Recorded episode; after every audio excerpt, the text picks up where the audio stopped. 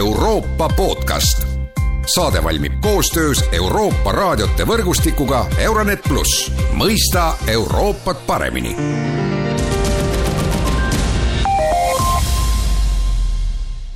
tere ja alustame tänast Euroopa podcasti. Ukraina kriis on tekitanud taas arutelu Euroopa julgeoleku üle. Milline võiks see välja näha, seda on tulnud täna stuudiosse kommenteerima Rahvusvahelise Kaitseuuringute Keskuse teadur Kalev Stoicescu, tere päevast! tervist! mina olen Erkki Bahovski ja no alustame sellest, millest räägiti hästi palju pärast külma sõja lõppu, tuhat üheksasada kaheksakümmend üheksa, üheksakümmend, räägiti sellest, et Euroopas võiks tekkida ühine julgeolekuruum Lissabonist Vladivostokini. Ja praegu sellest me muidugi ei räägi, aga, aga Kalev, mis oli peapõhjuseks, miks selline plaan teoks ei saanud?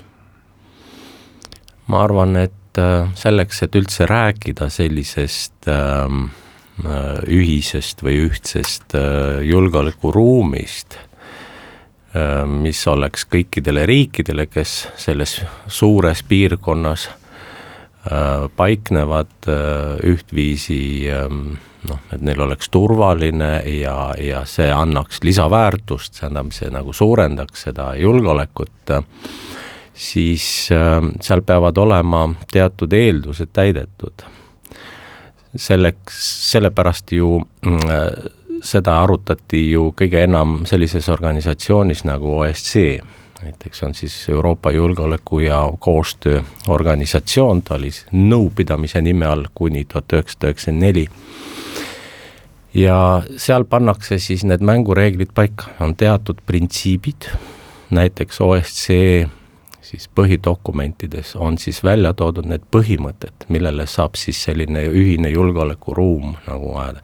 esiteks, riigid peavad teineteise suveräänsust ja territoriaalset terviklikkust austama.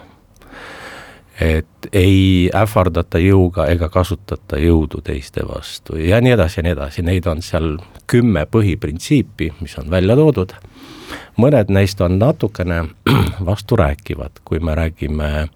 ütleme, enesemääramise õigusest ja territoriaalsest terviklikkusest. Ja seda ei ole, ei pane ka rahvusvaheline õigus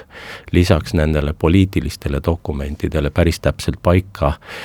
kumb siis on prioriteetsem, sõltub olukorrast, eks ole, noh, kas näiteks tšetšeenidel ei olnud siis enesemääramise õigus äh,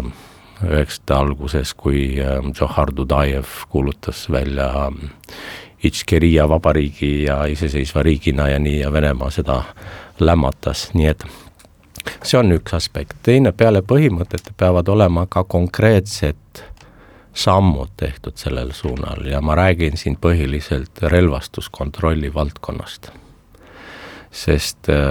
riikidel äh, peab tekkima usaldus teineteise vastu ja peab olema ka näha praktiliselt, et äh,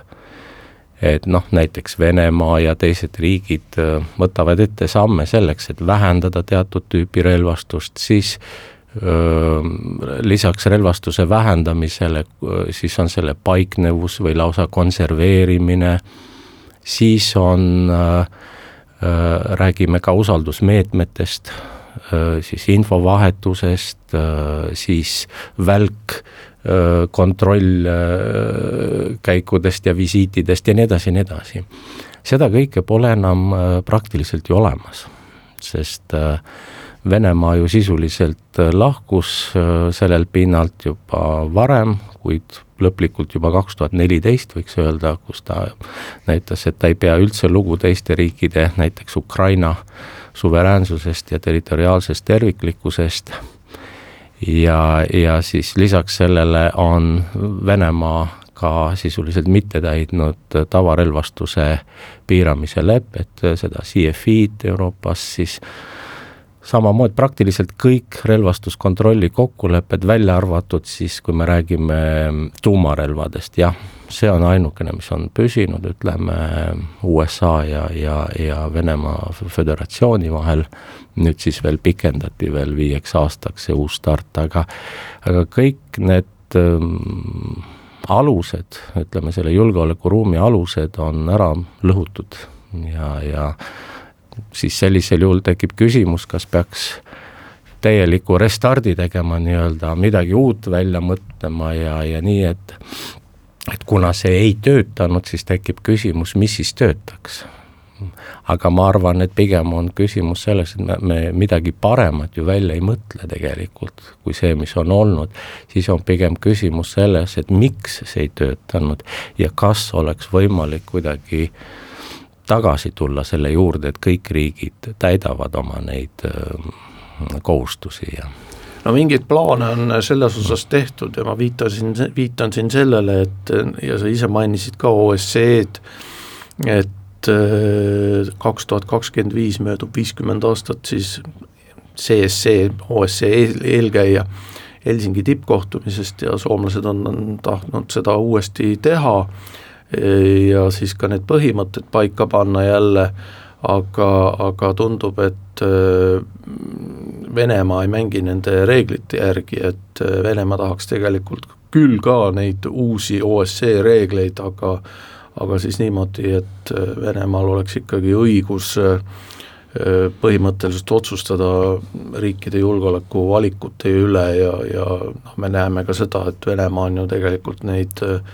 piire Euroopas ka oma suva järgi tõmmanud, et kuidas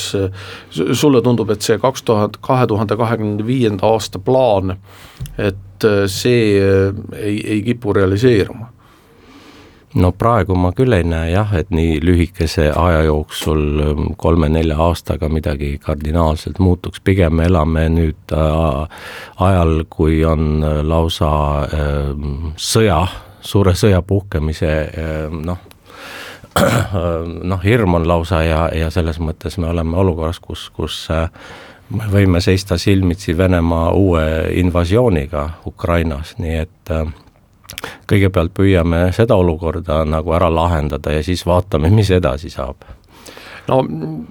see Ukraina kriis ju on seadnud ka sellise põhimõttelise küsimuse, mida on küsitud ju noh, põhimõtteliselt alates öö, pärast, minna ajaloos tagasi, siis pärast Napoleoni sõdade lõppu tuhat kaheksasada viisteist, ka pärast Esimese maailmasõja lõppu, pärast külma sõja lõppu ja see on see, et kas, kas Euroopa julgeolekuarhitektuur on võimalik ilma Venemaata ja ja külma sõja lõpus siis äh, joonistus siis välja see olukord, mis, mis on tänase päevani kehtiv, ehk siis see, et et äh, Venemaaga üritati küll arvestada, aga ikkagi äh, äh, riikidel, kes olid iseseisvunud, oli õigus otsustada enda julgeolekuvalikute üle, et ja nüüd me teame, näeme seda Ukraina kriisi valguses, et Venemaa tahab ikkagi sõnaõigust, et et kuidas sina nagu selles valguses näed seda Euroopa julgeolekuarhitektuuri küsimust, et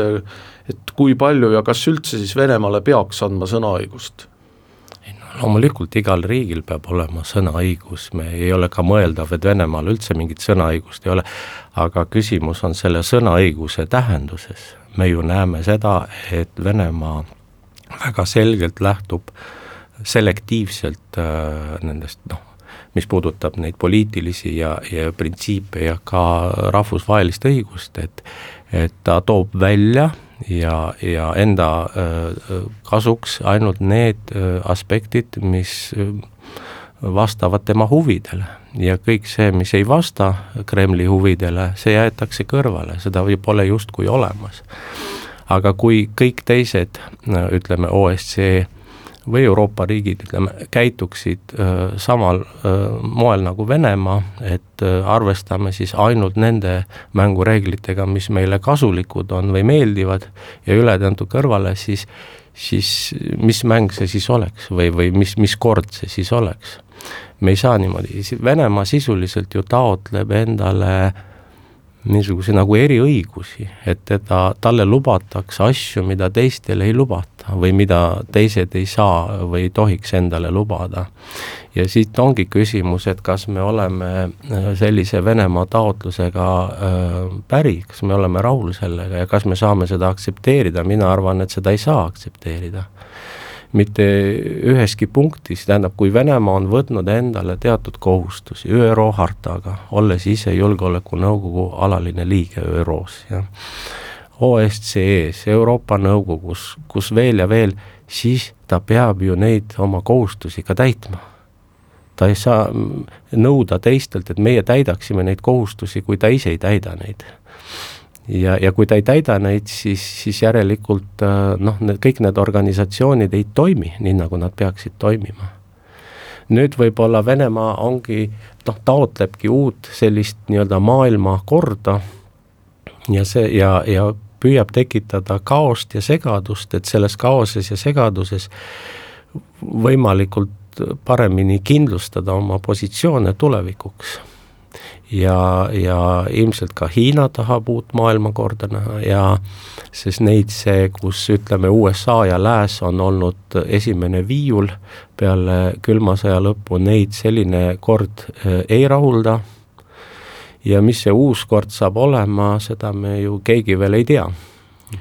no üks asi, millest räägitakse palju ja millest ilmselt räägitakse ka Ukraina mm kriisi valguses palju, on see nõndanimetatud Euroopa strateegiline autonoomia. aga Ukraina kriisi valguses tuleb öelda, et äh, Euroopa, Euroopa julgeolek ikkagi ilma USA-ta on mõeldamatu, et et äh, USA-l on ikkagi põhimõtteliselt ainuke sõjaline võimekus Euroopat kaitsta Vene agressiooni eest ja noh, küsimus ongi, et kui palju siis nende juttudega Ukraina kriisi valguses, juttudega Euroopa strateegilisest autonoomiast üldse saab edasi minna?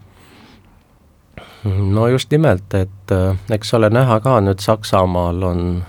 uus valitsus asutunud ametisse, et mis suuna see võtab, see on väga oluline nii meile, nii ütleme, Euroopa Liidu kui NATO kontekstis, aga ka Venemaa vaatab tähelepanelikult seda, sest nende jaoks on Saksamaa peamine äh, partner äh, nii majanduslikult kui ka poliitiliselt äh, Euroopas. Ja seni on olnud Saksamaa üsna skeptiline selle Prantsuse noh, Euroopa strateegilise autonoomia visiooni suhtes,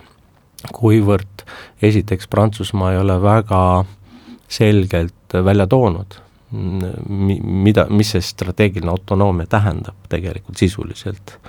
ja teiseks, sellel on ikkagi noh, taustaks selline nagu noh, mitte USA vastasus, aga kuidagi noh, et hakkame asju ajama ja tegema ilma, ilma Ameerikata. See ei ole võimalik, Euroopa, Euroopa ei ole võimeline veel ei praegu ega ka kahekümne aasta pärast, ma arvan, iseennast äh, kaitsma. Ja kui me räägime spetsiifilisemalt Euroopa Liidust, äh, millest äh, Ühendkuningriik on lahkunud tänu Brexitile, siis tegelikult Prantsusmaa on ju ainus tuumariik, mis on jäänud, kelle arsenal on suhteliselt piiratud ja, ja Prantsusmaa üksi ei ole võimeline pakkuma sellist tuumamusklit Euroopale, mis oleks Venemaad heidutav. see on päris selge paljud räägivad, et tuumarelvad on minevik ja, ja ehm, noh, põhimõtteliselt neid ei ole keegi reaalselt kasutanud peale teist maailmasõda ega ei hakkagi kasutama, et see on lihtsalt selline nii-öelda suur haamer, mis on kuskil garaažis seal ja, ja ripub kuskil, aga seda keegi ometi ei mõtle kunagi kätte võtta ja hakata sellega vehkima. jah ma arvan, et seda ei hakata kindlasti kasutama, kuniks olukord ei ole võib-olla väga kriitiliseks muutunud mingis konfliktis ja see on kindlasti päris viimane abinõu, mida võiks võtta üks pool või teine pool ähm, kasutusele. Kolmas mängija on ka lisaks NATO-le ja Venemaale selles kontekstis on Hiina muidugi noh, tuumarelvad on muidugi ka Indial ja Pakistanil ja Iisraelil ja ja võib-olla ka Põhja-Koreal, eh, nagu me teame. aga mina arvan, et eh, tuumarelvad ei ole minevik ja, ja siin juhul, kui me räägime sellest strateegilisest autonoomiast, kuidagi nagu targu minnakse mööda sellest tuumaaspektist ja, ja et eh, on asju, mida me oleme niikuinii kokku leppinud, et me peame tegema, noh, Euroopa Liidus on ju ühine kaitsepoliitika olemas siis on siis see alaline struktureeritud koostöö äh, PESCO, mis on kokku lepitud siis, kui Eesti oli Euroopa Liidu eesistuja kaks tuhat seitseteist, lepime, seal on mitukümmend suurt sõjalist ja kaitsealast projekti, kus ka Eesti on aktiivne ja teised riigid, et, et pigem noh, tehkem kõigepealt seda, mida me oleme kokku leppinud ja mis on vajalik ja võib-olla, et see Euroopa strateegiline autonoomia algab äh, välispiiridest ja sealhulgas idapiirid, praegu me ju nägime seda, kuidas Valgevene on kasutanud migrante hübriidrünnaku korraldamiseks Poola, Leedu ja nii edasi vastu. Et alustame sellest, mitte teisest poliitilisest otsast, et kuidas me hakkame, saame hakkama ilma Ameerikata, see on, see on täiesti vale ots, kust või vale start, kust siis alustada. Aitäh, Kalev Stoicescu, selline oli tänane Euroopa podcast, mina olin Erkki Pahovski, kõike head ja kuulmiseni